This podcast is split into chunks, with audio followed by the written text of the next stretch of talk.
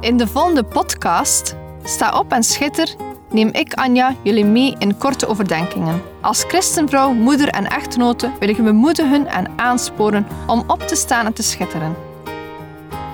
We zijn niet gemaakt om in Gods koninkrijk stil te zitten en niets te doen, maar om op te staan en dienstbaar te zijn. In de eerste plaats over God, daarna over ons gezin, onze partner of onze geloofsgenoten. En als gevolg zullen we dan ook schitteren in de wereld. Neem je Bijbel bij de hand, want zonder Bijbel zijn we als een kok zonder eten of een zanger zonder stem. Dus luister naar, sta op en schitter.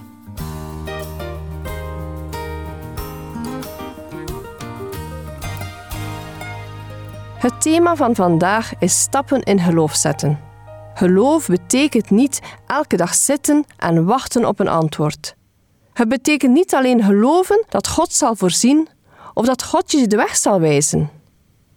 Het betekent soms dat je echte stappen van geloof moet zetten in de richting waarin je gelooft dat God je leidt. God spreekt tot ons vaak in kleine dingen en het is aan ons om de eerste stap te zetten. Het is daarom van groot belang dat we een relatie hebben met God, zodat de Heilige Geest tot ons kan spreken. Die kleine stappen in geloof kunnen grote uitwerking hebben voor onszelf, maar ook voor anderen. Het kan letterlijk soms iemands leven redden. Als het gaat over een stap zetten in geloof, dan denk ik aan het verhaal van Naaman en het dienstmeisje. Beide zetten ze een stap in geloof op twee verschillende manieren.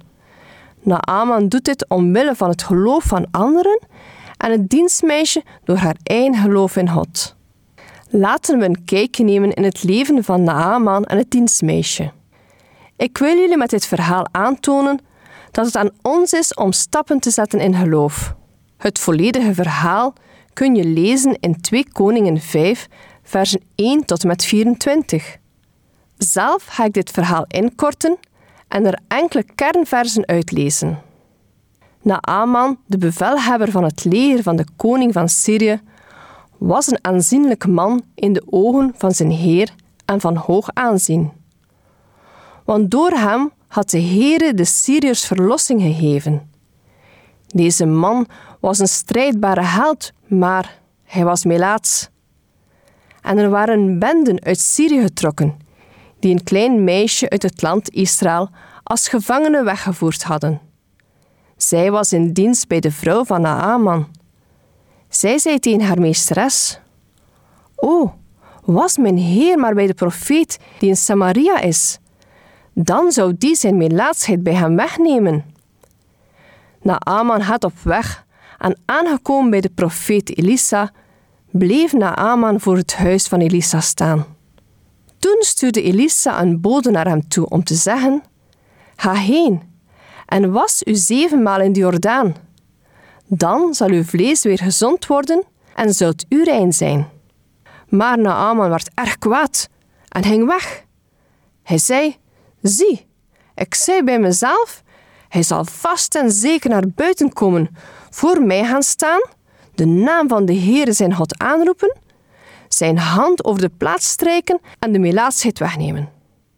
Zo keerde hij zich om en vertrok in woede. Toen kwamen zijn dienaren naar voren, spraken tot hem en zeiden: Mijn vader, als die profeet u iets moeilijks opgedragen had, zou u dat niet gedaan hebben? Hoeveel te meer nu hij tegen u gezegd heeft: Was u en u zult rein zijn. Daarom daalde hij af en dompelde zich zevenmaal onder in de Jordaan, overeenkomstig het woord van de man Gods.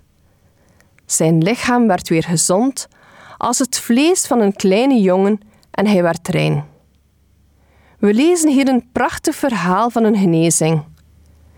Naaman is de overste van het Syrische leger, een krijgsschald, zeer aanzienlijk en geliefd, zowel bij zijn wereldse heer als bij zijn dienaren.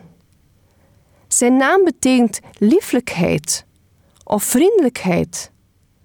Het portret van deze geliefde man wordt ontsierd door een maar. Het staat er zo treffend. Maar deze man was melaats. Hij had een ongeneeslijke ziekte en niemand kon hem helpen. Melaatsheid is een vreselijke ziekte. Het begint met een kleine vlek, maar woekert steeds verder en tast meer en meer delen van het lichaam aan. Dat was een vreselijk vooruitzicht. Deze ziekte had zware gevolgen voor zij die eronder leden. Er waren niet alleen de lichamelijke gevolgen, maar waren ook ernstige sociale gevolgen. Deze ziekte maakte namelijk iemand onrein. In Israël was er voor deze mensen geen plaats in de maatschappij. Men vreesde voor besmetting. Daarom moesten melaatsen altijd zorgen dat ze op een veilige afstand van hun omgeving bleven.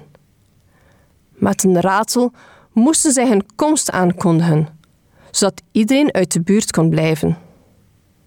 De ziekte was niet alleen verschrikkelijk op sociaal vlak naar familie en vrienden toe, met wie je eigenlijk geen contact meer kon hebben. Maar het was ook op godsdienstig vlak iets verschrikkelijks. Je kon namelijk de synagoge en de tempel niet meer binnen. Je kon dus ook geen offers meer brengen. Je was dus eigenlijk volledig van Gods aanwezigheid afgesneden. Eigenlijk zouden we kunnen stellen dat een melaats iemand in die Bijbelse tijd als een levende dode werd beschouwd.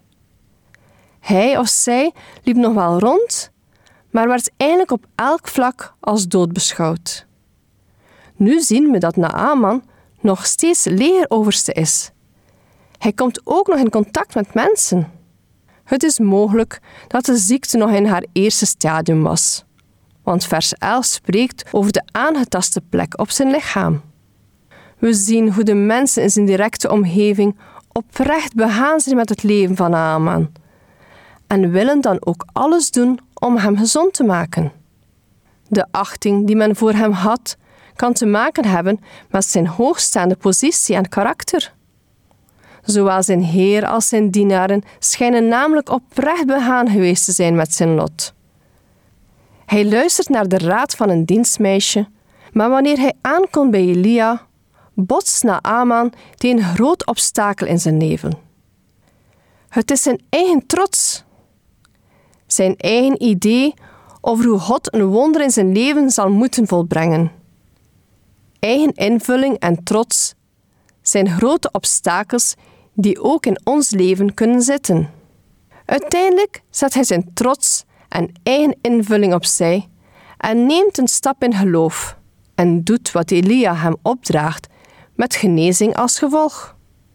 God vraagt ook van ons om een stap in geloof te zetten.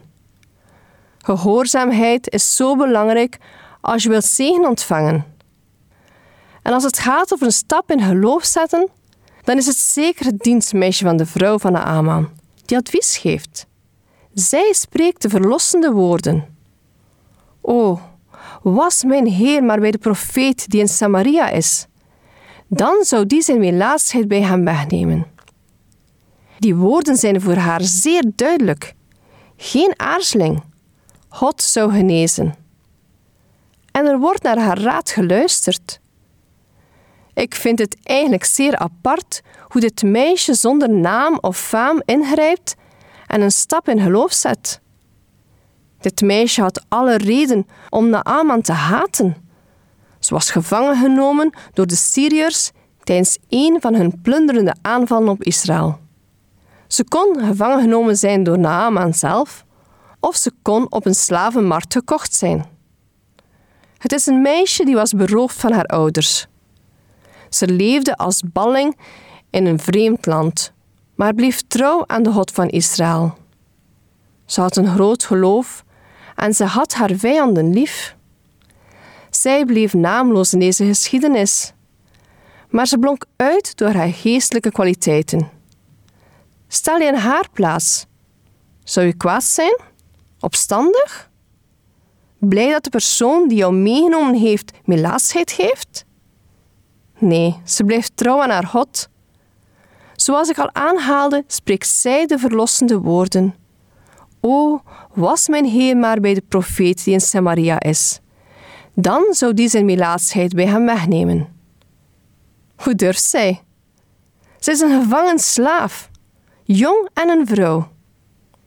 Zou haar meesteres niet zeggen: Kind, waar bemoei je je mee? Ga aan het werk. Maar nee, zo gaat het niet. Het dienstmeisje vertrouwt op haar God. Ze weet precies wat ze moest zeggen en naar wie ze Naaman moest zenden. Ze nam ook een groot risico. Wat als Naaman nu niet zou genezen? Wat als hij nog zeker terugkwam? Het dienstmeisje was zeker van haar woorden. Ik vind het zo mooi dat ze niet gevuld is met haat en bitterheid, maar met liefde en bewoonheid. Ik denk ook dat ze haar werk goed deed. Anders zou hij nooit naar haar geluisterd hebben. Zou ik ook zo reageren als het dienstmeisje in die situatie en zo'n risico nemen? Zij is een voorbeeld voor ons. Waar we ook zijn, hoe jong of hoe we ons ook voelen, het is aan ons om ons dienstbaar op te stellen en open te staan voor wat God wil dat we doen of zeggen. Dit jonge meisje zet een stap in geloof. Het is echter een grote stap om midden in een lastige, zware situatie iets te gaan doen waarvan je zelf de uitkomst niet ziet. We horen God te geloven en te vertrouwen, ook als het menselijk gezien nergens op slaat. Wat dat dienstmeisje deed spreekt mij zo aan. Ze was een getuigenis. Ook wij mogen getuigenis zijn in de wereld. En het gaat om de kleine dingen die we zeggen en doen.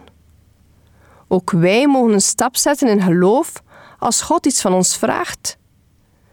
Luister naar de stem in je hart. Sta op en schitter. Deze podcast kun je steeds opnieuw beluisteren via de website en app van twr.be.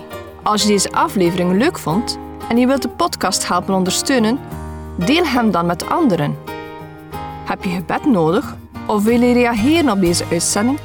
Zend dan gerust een mailtje naar anja.twr.be. Bedankt voor het luisteren.